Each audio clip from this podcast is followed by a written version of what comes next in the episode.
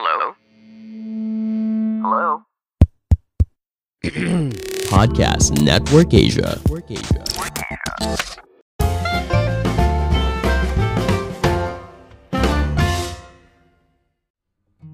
Halo semuanya, kembali lagi bersama saya Madianto. Kali ini kita akan membahas tentang solusi kalau kamu sulit menabung.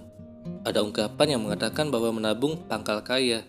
Memang, ungkapan ini memang sudah sering sekali kita dengar. Tapi mengapa kita sering kali kesulitan untuk melakukannya? Sebelum penyesalan datang, ada baiknya segera kita perbaiki keadaan itu. Yang pertama alasan, bagaimana bisa nabung? Gaji saja pas-pasan. Uang yang tidak pernah cukup menjadi alasan klasik yang dipakai banyak orang untuk tidak menabung. Apakah benar setiap bulan kita selalu kehabisan uang? Apakah iya gaji kita kekecilan?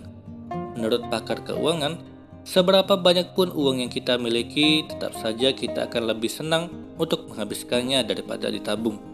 Sehingga solusinya, berkomitmenlah untuk menghilangkan sebanyak mungkin kebocoran-kebocoran yang kamu bisa kamu akan terkejut melihat betapa banyaknya uang tambahan yang kamu miliki dalam anggaran tersebut nantinya. Kedua, alasan kalau uangnya sudah habis untuk bayar tagihan. Aturan pertama dalam menyelamatkan uang adalah membayar diri terlebih dahulu sebelum melakukan hal-hal lain. Sayangnya aturan ini sering kali dilanggar. Begitu menerima gaji, kita akan sibuk di depan ATM untuk membayar ini itu sehingga gaji pun lenyap tanpa bekas. Ketika mau menabung, kita baru sadar bahwa tidak ada uang yang tersisa. Sebagai solusinya, cara terbaik adalah membuat proses penyisian uang secara otomatis. Pergilah ke bank dan buat instruksi debit otomatis dari rekening penerima gaji ke rekening tabungan atau investasi. Sebagai pemula, jumlahnya cukup 5% dari penghasilan rutin. Kemudian setiap 6 bulan, lakukan peningkatan presentasi hingga mencapai target 30%. Kalau ada penghasilan tambahan, gunakan uang tersebut untuk melunasi seluruh utang yang dimiliki. Ketiga, tidak sempat ke bank. Baru membayangkan mesti antre di bank untuk menabung yang hanya beberapa ratus ribu saja sudah membuat malas. Apalagi kalau beneran itu yang terjadi.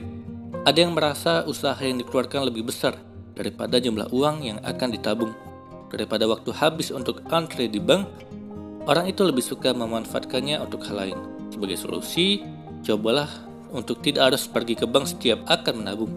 Cukup manfaatkan fasilitas yang disediakan bank, misalnya auto debit, setoran tunai yang ada di mall, internet banking, dan sebagainya. Keempat, tidak ada uang nganggur. Niat menabung sih ada, tapi apa daya. Gaji tiap bulan selalu untuk membayar kebutuhan hidup sehari-hari mulai dari transportasi, makan, telepon, listrik, belum lagi belanja bulanan. Lalu yang menjengkelkan setiap tahun harga barang-barang selalu naik, hingga semakin kecil lah kemungkinan ada uang tersisa. Sebagai solusi, kita memang tidak bisa mengendalikan harga barang, namun kita bisa mengendalikan pengeluaran dan pemakaian.